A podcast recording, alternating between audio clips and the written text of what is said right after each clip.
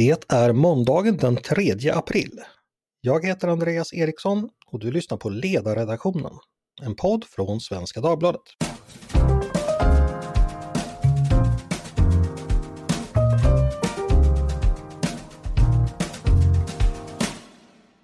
Varmt välkomna till oss igen och till en ny vecka med Ledarredaktionen.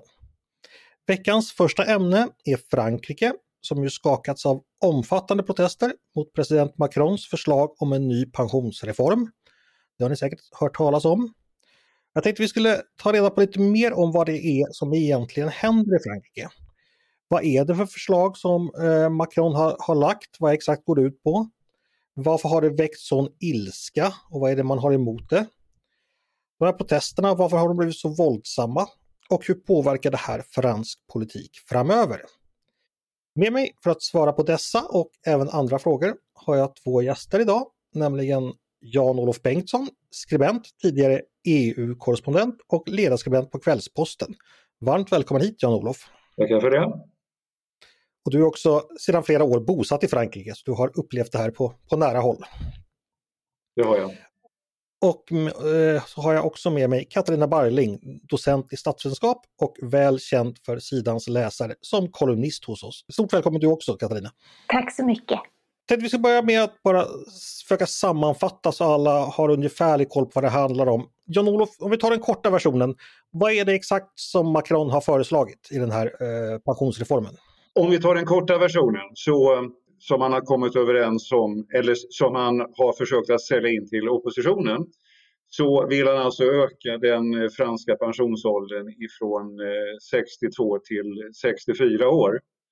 Eh, hans ursprungsmål var 65 men han har, returner, han har eh, gått tillbaka där. Han vill mm. dessutom öka den intjänade pensionstiden för att man ska få en full pension så ska man ha arbetat i 43 år och det är också en ökning lite grann. Så att i, I grunden så ska man koka ner pensionsreformen var den står nu så är det ju de här två åren som är så fruktansvärt infekterade. Alltså att han vill öka ifrån 62 till 64 år. Eh, oppositionen säger nej, man vill ha kvar gränsen vid 62 år. Mm. Och Katarina, då får du ta andra halvan av den här sammanfattningen. Vad är det som folk är, är så arga över? Är, är, det helt enkelt att man vill inte jobba längre helt enkelt? Är, är det så enkelt? Ja, det, det, är det som är den tändande gnistan. Samtidigt så har ju den här processen sett ut på ett sätt som gör att människor har blivit bara argare och argare under resans gång. Eh, och bland annat så har ju det här setts då som ett uttryck för maktens arrogans. Eh, Bland annat då att Elisabeth Borne och Macron, då premiärministern och presidenten, tog det här förslaget efter att det hade godkänts av senaten så skulle det då gå igenom nationalförsamlingen. Och då kunde man med en hänvisning till en särskild paragraf och genom att lägga in det här som en del i socialförsäkringssystemet så kunde man förbegå då en omröstning i nationalförsamlingen, eh, den stora kammaren då.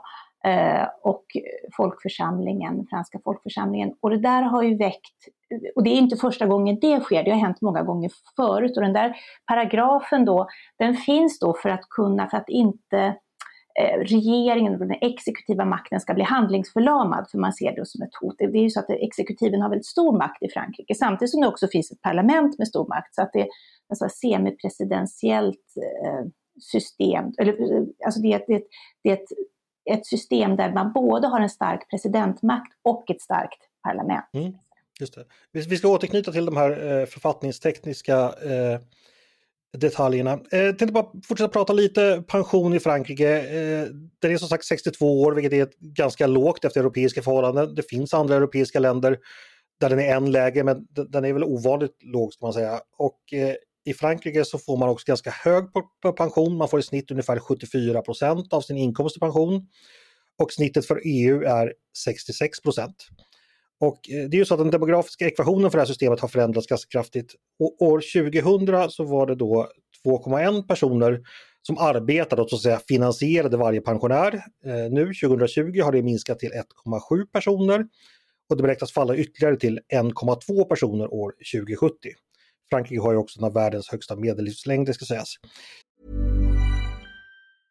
Normally, being a little extra might be a bit much, but not when it comes to healthcare. That's why United Healthcare's Health Protector Guard fixed indemnity insurance plans, underwritten by Golden Rule Insurance Company, supplement your primary plan so you manage out of pocket costs. Learn more at uh1.com. Eh, Jan-Olof tänkte fråga, det här med låg pensionsålder, så har det inte alltid varit. Den sänktes ju för ganska långt tillbaka, 1980 sänktes det ju från 65 till 60 år av president Mitterrand. Eh, hur, hur, kommer det sig att, att, det här är, att man ska ha en låg pensionsålder? Finns det ett allmänt stöd för det i Frankrike? Är det något, så att säga, någonting som man, många tar för givet? Eller hur tänker man där? Ja, alltså, den låga pensionsåldern, det är ju, det, den, eh, det är ju det som är grunden till de här protesterna, så att man vill ut och ändra på den överhuvudtaget. Det är riktigt det här du säger att Mitterrand, han sänkte den ifrån eh, 65 till 60 år faktiskt, 1982. Sen har de olika presidenterna oavsett egentligen eh, ideologisk hemvist försökt att höja pensionerna. Eh, bland annat så eh, försökte eh, Sarkozy att få upp pensionen till 65 år. Men han var tvungen att kapitulera så han, han slutade på 62. Så att egentligen kan man säga alltså att hela det här pensionsdebaclet startade en gång i tiden när Mitterrand sänkte ifrån 65 till 60 år. Eh, och eh, det här har då, det här har då eh, Emmanuel Macron sett som en central grej i sin politik så att säga, sitt nya parti och alltihopa. Han lanserade det här med att han ville höja pensionsåldern redan under sitt första eh, presidentmandat. Men han eh, backade ifrån det och nu har han alltså kommit tillbaka här under sitt andra presidentmandat. Och mm. Han eh, vill ha igenom det här, dels för att han eh, har lovat i sitt program, dels för att han inte kan bli omvald och han kan definitivt inte backa ifrån de här 64 åren som han nu har satt. För att skulle han av någon anledning kapitulera inför de här demonstrationerna och sådana här saker så skulle han bli en så kallad lame duck. Han, han sitter ju kvar som president oavsett till 2027. Men skulle han då stå med den här nesan här att behöva kapitulera så skulle alla liksom peka finger åt honom. Så att eh, det, det, han har inget alternativ. Sen så kan man ju också, jag tycker det är viktigt i sammanhanget att säga också alltså att till skillnad ifrån i Sverige som har ett pensionssystem så att i Frankrike så har man alltså 42 stycken olika pensionssystem med olika regler och olika innehåll och olika pensions, pensionsåldrar och sådana här saker. Bara en sån liten parentes som de här strejkande sopåkarna i Paris nu exempelvis, de kan pensionera sig vid 59 och arbetar man i klaksystemen under Paris så kan man pensionera sig vid 52. Och det är ju en stor skillnad naturligtvis om man då ska harmonisera det här pensionssystemet till ett enhetligt. Det slår väldigt olika emellan de olika facken och hur de under år, år, årtiondena har kunnat eh, arbeta upp, eh, arbeta upp eh, sin position i systemet så att säga. Ja. Mm. Så det slår alltså väldigt olika och man liksom, det kan alltså röra sig om en, för vissa grupper en praktisk höjning av pensionsåldern med, med tio år mer eller mindre? Nej det kan det inte det... utan det är maximerat till två år. Alltså, så att om, om, ja, okay. ja, så att är du en, är du en sopåkare så kan du eh, åka upp till 61 år. Är du, är du en sån här klakarbetare så kan du åka upp till 54 år. Så att, eh, det är inte okay, riktigt.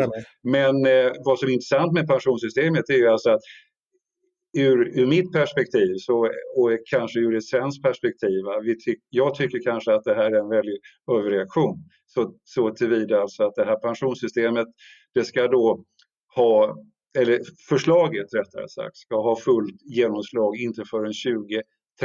Så att eh, om det här går igenom nu så ökar man alltså pensionsåldern med tre månader per år fram till 2030 och då ska det ha fullt genomslag.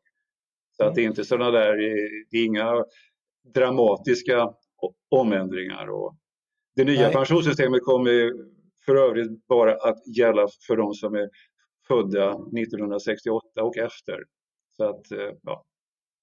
Men, men intressant är det du säger det här med, med vår syn på pensionssystemet. För, för det är en fråga jag tänkte vilja borra lite djupare i, Katarina.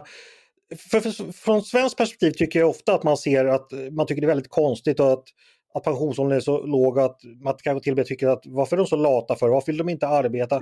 Är det någonting liksom lost in translation här? Finns det kulturella och sociala skillnader mellan Sverige och Frankrike i synen på pension och arbete som, som gör att vi inte riktigt fattar grejen? Eller skulle du kunna utveckla det på något sätt? Ja, det är en jätteintressant fråga. Jag ska bara lägga till utöver det här, en ytterligare aspekt utöver det Jan-Olof var inne på här, så finns också det här att det är många då som är arbetslösa som är äldre och som har väldigt svårt att få arbete och då höjs pensionsåldern, då kommer ju då de att få vänta ännu längre då. Eh, mm. i, i, det är svårt för dem att få arbete. Så det finns, det finns så detaljkomplikationer i det här, precis som Jan-Olof pekade på.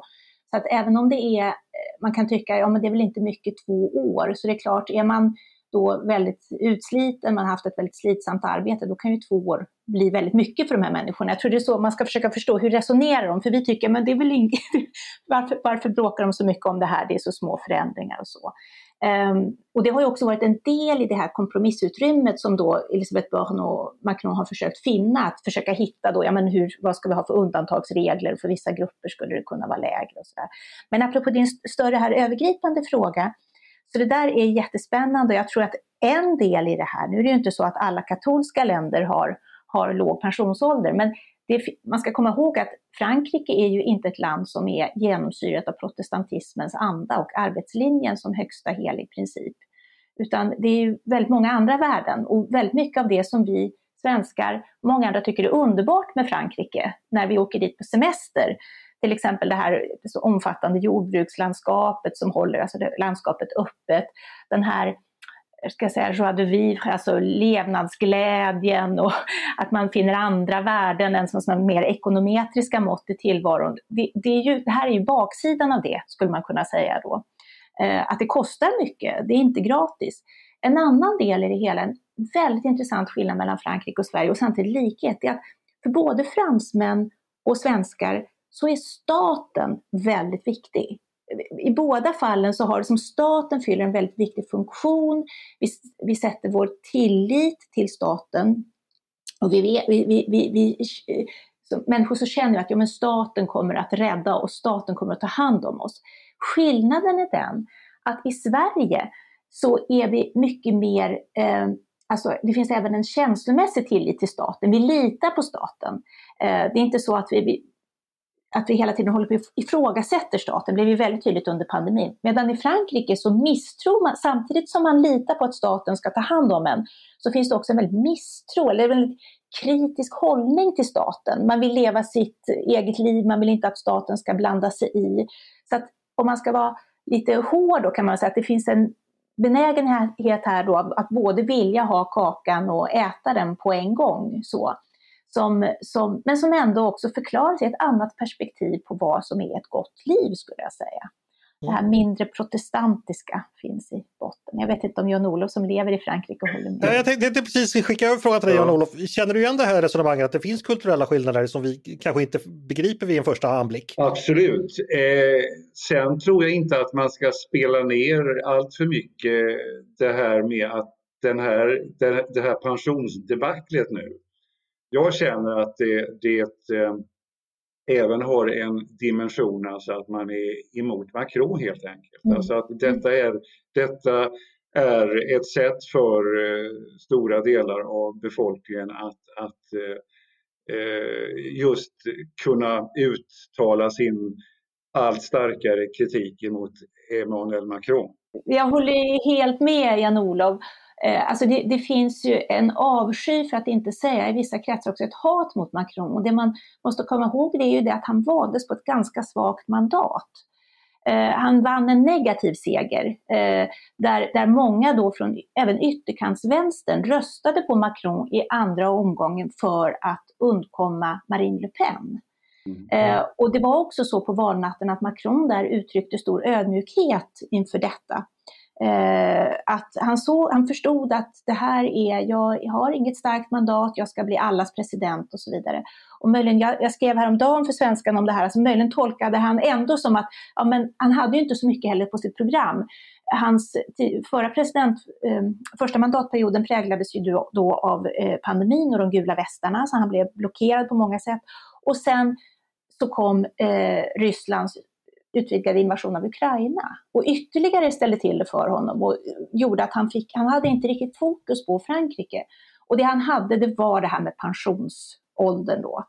Och möjligen överskattade han en, även där då sitt mandat. Eh, och han tyck, alltså det som är viktigt att komma ihåg med Macron, och det är bland annat det som gör honom så avskydd, han är ju egentligen, som jag uppfattar honom, jag vet inte om Jan-Olof håller med, han är mer en tjänsteman än en politiker. Mm. Han ser det som att ja, men det här har han räknat på. Eh, det, här är inte, det här är inte som en ideologisk strid han tar, utan det här är för att han vill få ordning på Frankrikes eh, statsfinanser helt enkelt. Vad som är intressant är ju, jag håller med, ja, ja vi håller med varandra. Jag, jag håller med Katarina också, men vad som är intressant är ju alltså att Macron, han startade ju som en slags eh, ekonomiminister i en socialistisk regering under François, François Hollande exempelvis. Och, eh, eh, Macron är alltså den eh, första presidenten som är omvald i Frankrike på 20 år. Så att på ett sätt så, eh, han är, han är en väldigt divergerad man. Jag håller också med eh, Katarinas analys om att eh, han är väldigt tjänstemannaaktig. Samtidigt är han ju totalt orädd för, för diskussioner och intellektuella debatter både i tv, han kastar sig in i folkhav till sina livvakters stora förskräckelse för att han menar att han har ett budskap och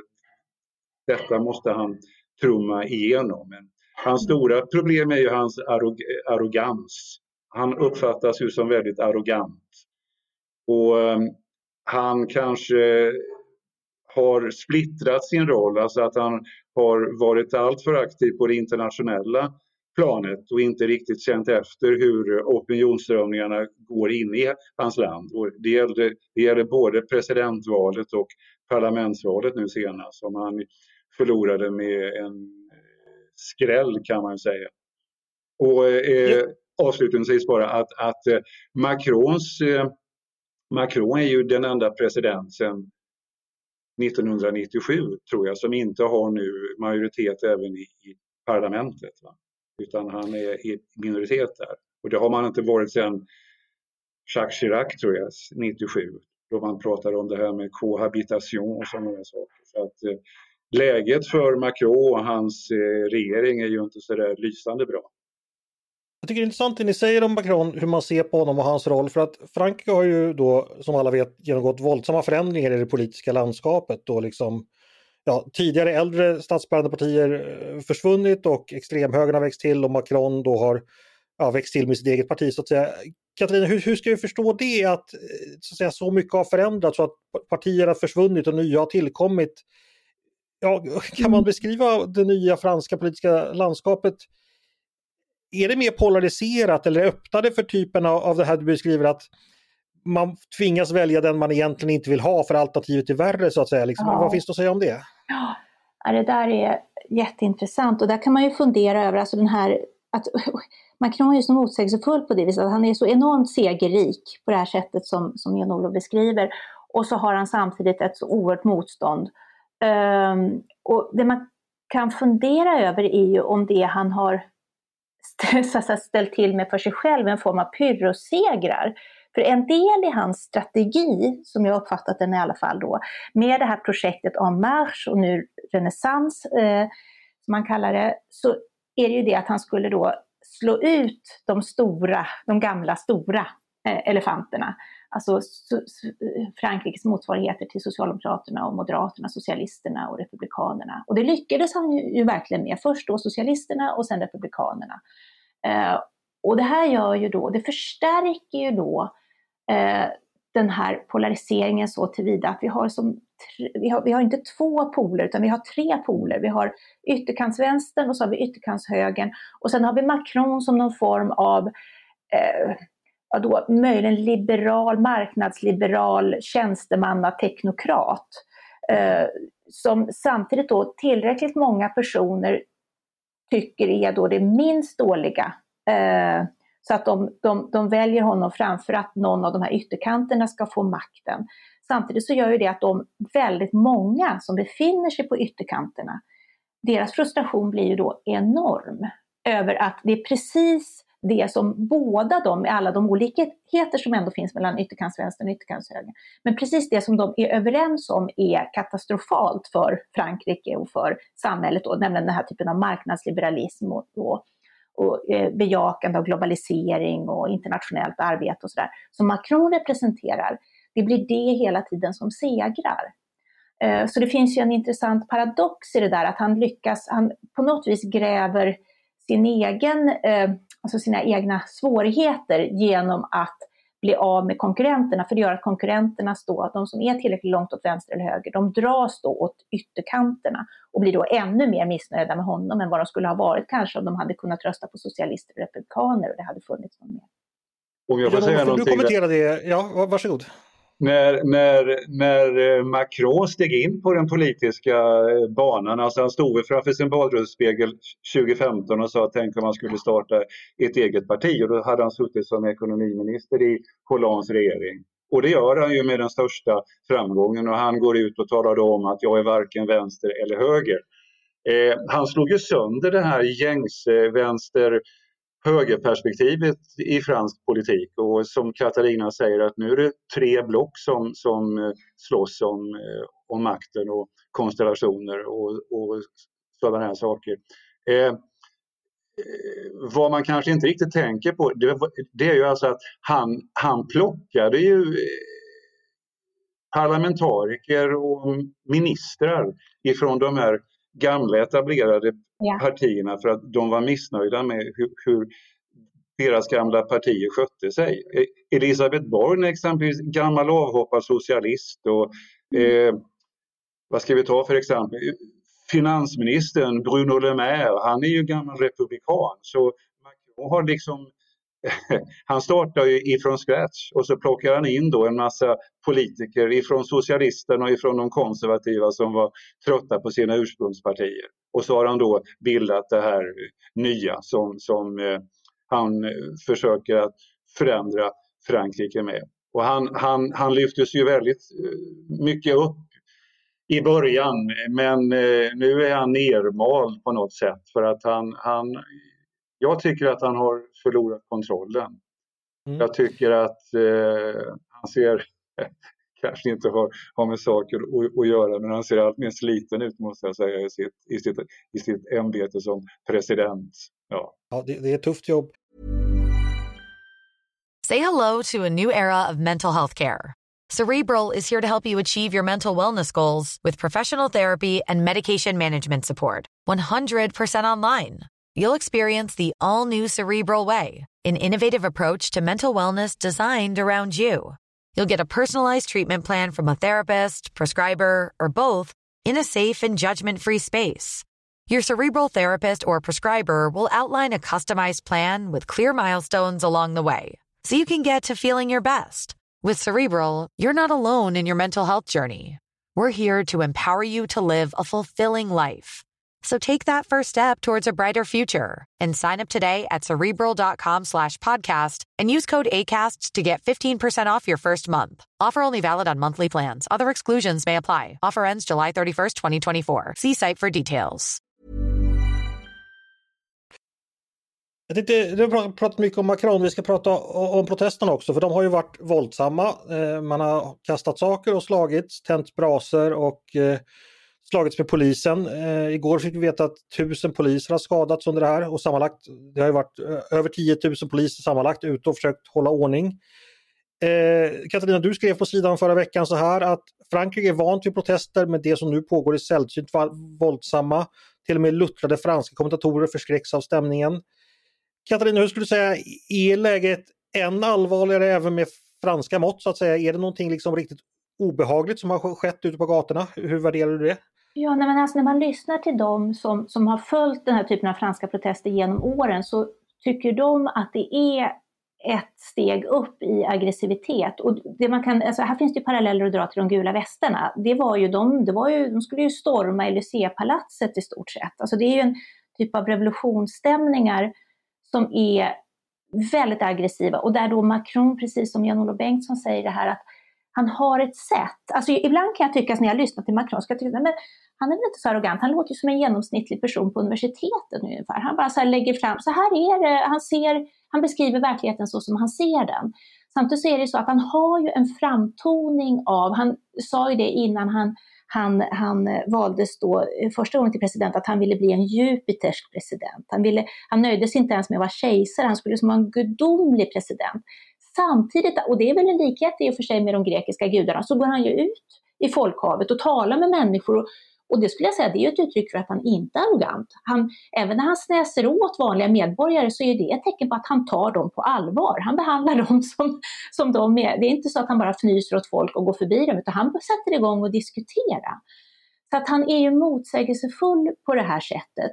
Och samtidigt är det så att han säger precis vad han tycker. Och det senaste nu när han skulle försöka gjuta olja på vågorna här så gjorde han ju folk ännu argare. Jag tror han jämförde också, att det var i den, eh, det uttalandet han som jämförde med det som hände på Kapitolium och pekade själv på riskerna där och så. Och det har gjort folk rasande för många tycker då att deras ilska är befogad och att de ifrågasätter en process som inte har gått rätt till. Så då blir, han, blir folk ännu argare. Och i den här typen av aggressivitet som man kan se här och som fanns även under gula västarna då, så är det just den här typen av revolutionsstämningar där man nu då jämför honom genomgående med, med inte bara kung Sol utan också med Ludvig den XVI och att, han, att även Macron borde då halshuggas. Alltså det, det, är en, det är en extremt grov ton kan man säga. Och även om man kan förstå frustrationen hos de här människorna som jag då uppfattar inte bara har att göra med pensionerna utan med en känsla av att hur man än röstar så blir det på något vis hela tiden samma resultat. Mm. I och med att det blir det minst dåliga då enligt väljarna så blir det det som ingen riktigt vill ha, eller, eller få, en minoritet verkligen vill ha. Eh, så att där kan man få, det var lite det som var då utgångspunkten för det jag skrev, att det handlar inte bara om pensionerna det här, utan det handlar, det är någonting i det hela som tyder på ett alltså systemproblem. Att Frankrike och den femte republiken då att den är utformad utifrån ett annat samhälle, andra samhälleliga konfliktlinjer än de vi ser idag. Och det gör att resultatet, utfallet av demokratiska val blir inte längre det här perfekta som tanken var med de här två eh, valomgångarna. Först rösta med hjärtat och sen med hjärnan som tanken var. Jag tycker det är intressant det här med när, när vi talar om, om de här protesterna och demonstrationerna. Jag, jag bor i Sydfrankrike i en liten bergsby och eh, de enda oroligheterna som vi ser här, det är ju på fransk television. Alltså det här är kravaller etc. som, som pågår i mångt och mycket i storstäderna, en sju, mm. åtta städer någonting. Eh, och jag tror man ska dra en parallell just till de gula västarna som Katarina pratar om för att det, det, det där var en ny form av protestform så att säga, va, som egentligen ingen kontrollerade. Utan den bara uppstod och den blev stark i, genom nätet och va, olika aktiviteter på internet. Och plötsligt så kändes det facket totalt överspelat för att det här var en rörelse som liksom hade uppstått utan, utan fackföreningarna. Så plötsligt så sitter de här starka fackledarna på läktarplats och kan inte göra ett dugg åt de här protesterna och har, har inget inflytande över de gula västarna överhuvudtaget. För att de har ingen styrelse och de har inget kontor och de har inget telefonnummer. Så på ett sätt så, så tycker jag att fackledarna eller de fackliga organisationerna har på något sätt väntat på att kunna revanschera sig, att återta förlorad mark. Och det har man då lyckats med här genom, den här, genom det här pensionsdebaclet. Alltså äntligen så syns de här fackliga ledarna en gång till.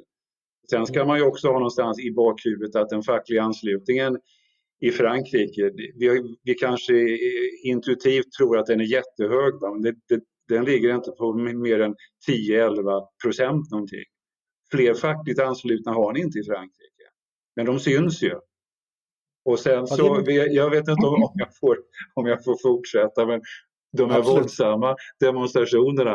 Eh, Jean-Luc Mélenchon får ju mycket av skulden för det här, för att han sitter ju på läktarsidan uppe i nationalförsamlingen och eh, Eh, styr sina eh, parlamentariker med eh, sms och, och, och sådana saker. Och, eh, språket i nationalförsamlingen, det tror jag Katarina håller med om, språket i nationalförsamlingen just nu under den här pensionsdebaclet, det har ju blivit väldigt rått. Och det har ju naturligtvis eh, smittat av sig ute på gatorna och, och, och torgen och manifestationerna också. Så att eh, det, på ett sätt så är det, det, det alltså kan, kan parlamentarikerna stå och vråla och, eh, eh och skriva, eh, skrika otidheter och, och man ser det i, TV, i, i tv-reportagen så det är ju naturligtvis då som får en slags acceptans ibland demonstranterna som är ute på gatorna.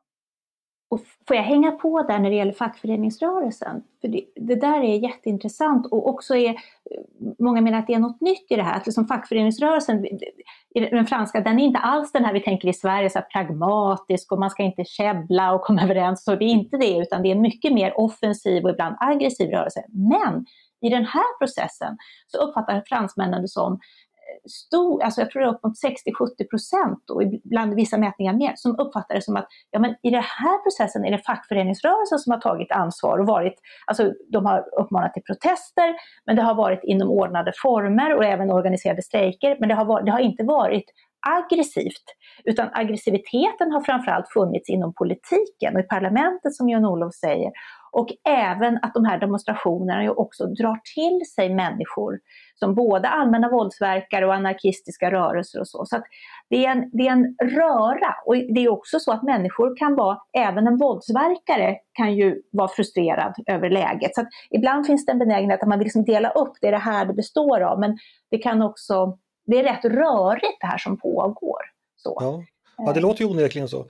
Eh, jag tänkte, tänkte, fråga, som vi, som vi sa tidigare så var det ju så att eh, regeringen drev igenom det här förslaget då genom att använda sig av artikel, artikel 9 i konstitutionen som gör det möjligt att få igenom en lag utan att nationalförsamlingen röstar om saken. Eh, det här ledde då till en misstroendeomröstning eh, då, om premiärminister Elisabeth Born som då, hon dock klarade. Eh, vad sker härnäst? Kommer det här bli lag nu när så att säga regeringen har använt den här, den här makten? Eller vad händer härnäst, Jan-Olof? Eh, utan att jag sitter med någon kristallkula så, så tror jag att det här går igenom. Nu ska det här konstitutionsrådet som det heter ta ställning till om eh, det här lagförslaget eh, har följt konstitutionens spelregler till punkt och pricka. Man tar ställning den 14 april. Och godkänner konstitutionsrådet det här så är det en formalitet Alltså parlamentet har ju redan antagit det. Konstitutionsrådet ska granska och godkänner om det här så ska då president Macron skriva under det som lag. Och jag tror att detta kommer att ske. Man, man säger att eh, det, den här konstitutionens paragraf 49.3 är odemokratisk för att man, man, man rundar eh, nationalförsamlingens majoritet för att man vet att man skulle förlora och så här.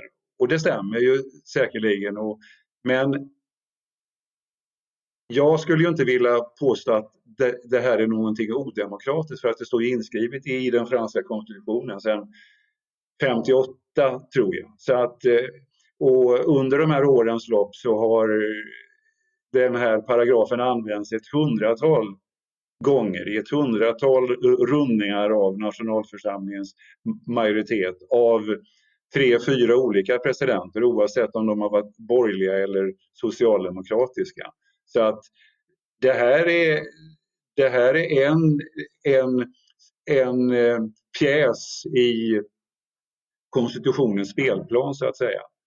Eh, så att eh, jag tycker man ska ha det med sig när man, när man eh, kommentera just det här 49.3 som den heter. Det är inget nytt utan den kom redan 1958 under Charles Just det. Eh, Katarina, säg att det går då så som Jan-Olof spår. Protesterna, verkar de klinga av eller intensifieras de? Vad, vad, vad, vad tror man i Frankrike? Ja, det som är, man har sett en tendens här nu senaste veckan att de har något klingat av. Det har ju också att göra med att det här är ju människor som då inte är pensionerade utan de, de arbetar fortfarande och det här att, att gå omkring och demonstrera. Det, det är också en sak man har pekat på att det är väldigt många studenter, väldigt många unga i de här demonstrationerna vilket kan delvis förklaras av att det är lättare för dem att demonstrera om dagarna.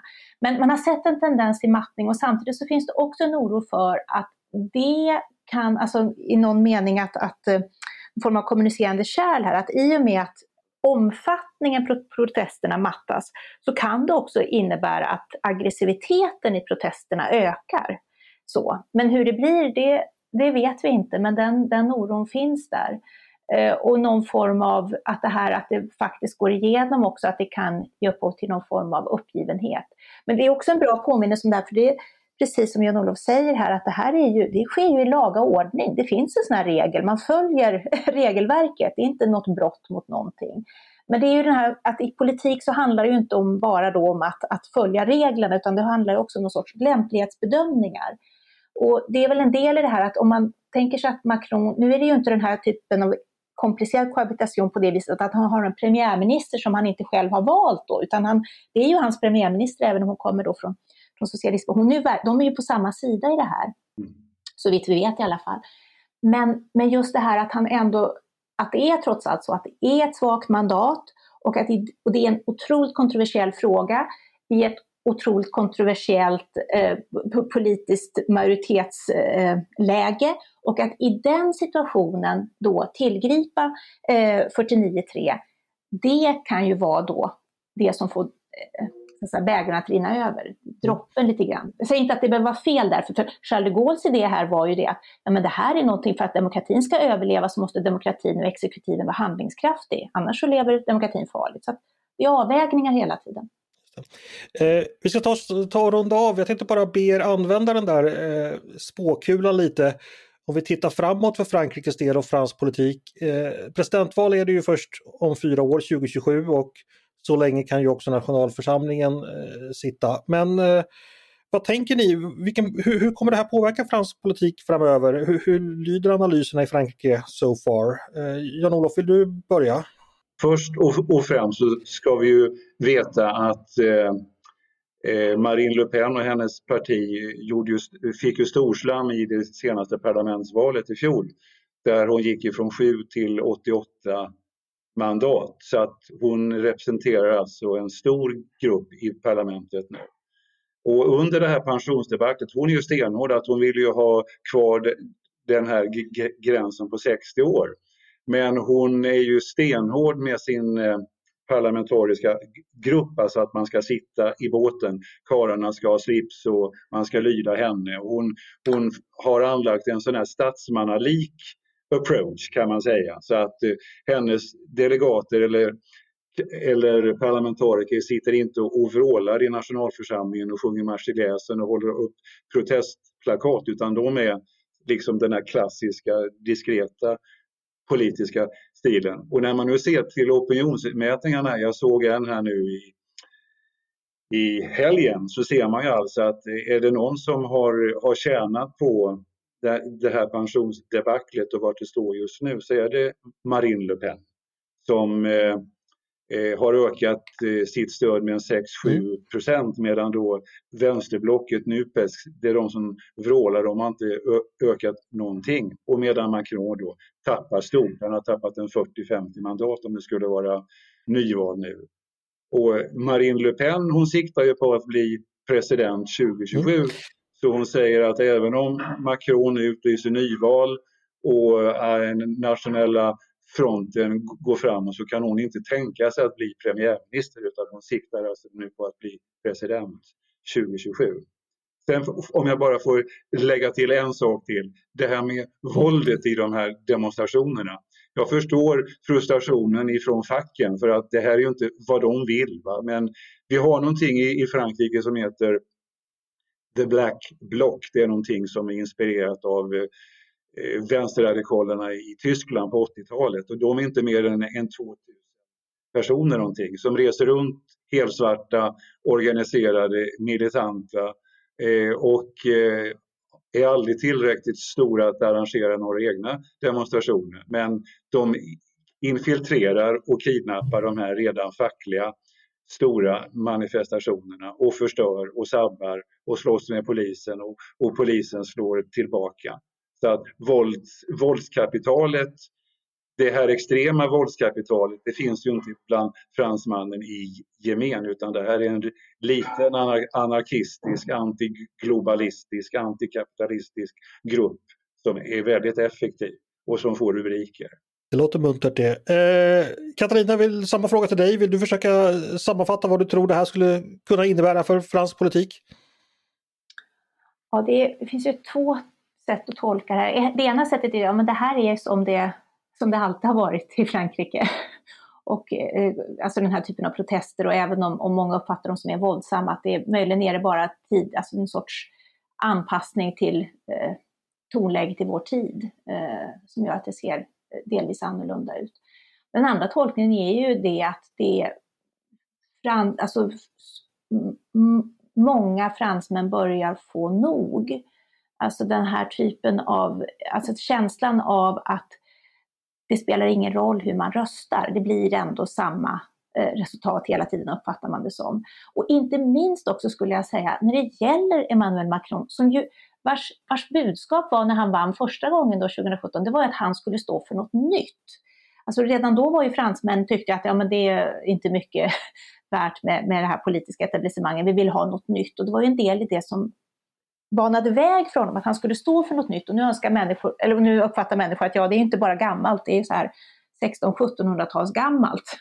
Så. Och en sorts maktarrogans han står för. Och det där är ju, det är ju riskabelt. Det är ju inte, det är ju inte, det, det är ju inte, det är ju inte Stort tack för bra det. när man liten, ser på eh... valdeltagande och, och, och, och, sånt där. Att i, I Frankrike så, sjunk, så sjunker det drastiskt efter varje val. Jag tror att nu det, det här parlamentsvalet i fjol somras så stannade ju 28 procent hemma. Och det är, det är någonting som statsvetare och politiker är väldigt oroliga för. Alltså att, att, eh, som, som Katarina säger, eh, Finns det, finns det någon anledning att engagera sig i, i politiken överhuvudtaget eller ska vi skita i det? Eller ska vi bara eh, försöka att dra runt med sådana här proteströrelser som gula västarna och, och, och sånt där? Så det är mycket rannsakningar som pågår inom de etablerade franska partierna. Att hur ska vi göra för att kommunicera och, och få kontakt och öka intresset igen? Vi får se hur det går med det. Eh, stort tack Jan-Olof Bengtsson och Katarina Barling för att ni kom och medverkade i dagens podd och diskuterade situationen i Frankrike. Tack så mycket! Tack så mycket! Tack så mycket! Tack också till er som har lyssnat idag på Ledarredaktionen. En podd från Svenska Dagbladet. Ni är som vanligt varmt välkomna att höra av er till oss på redaktionen med tankar och synpunkter på det vi precis har diskuterat. Eller om det är så att ni har idéer på vad vi ska ta upp i framtiden. Då är det bara att mejla till ledarsidan snabela svd.se. Dagens producent, han heter Jesper Sandström. Själv heter jag Andreas Eriksson och jag hoppas att vi hörs igen snart.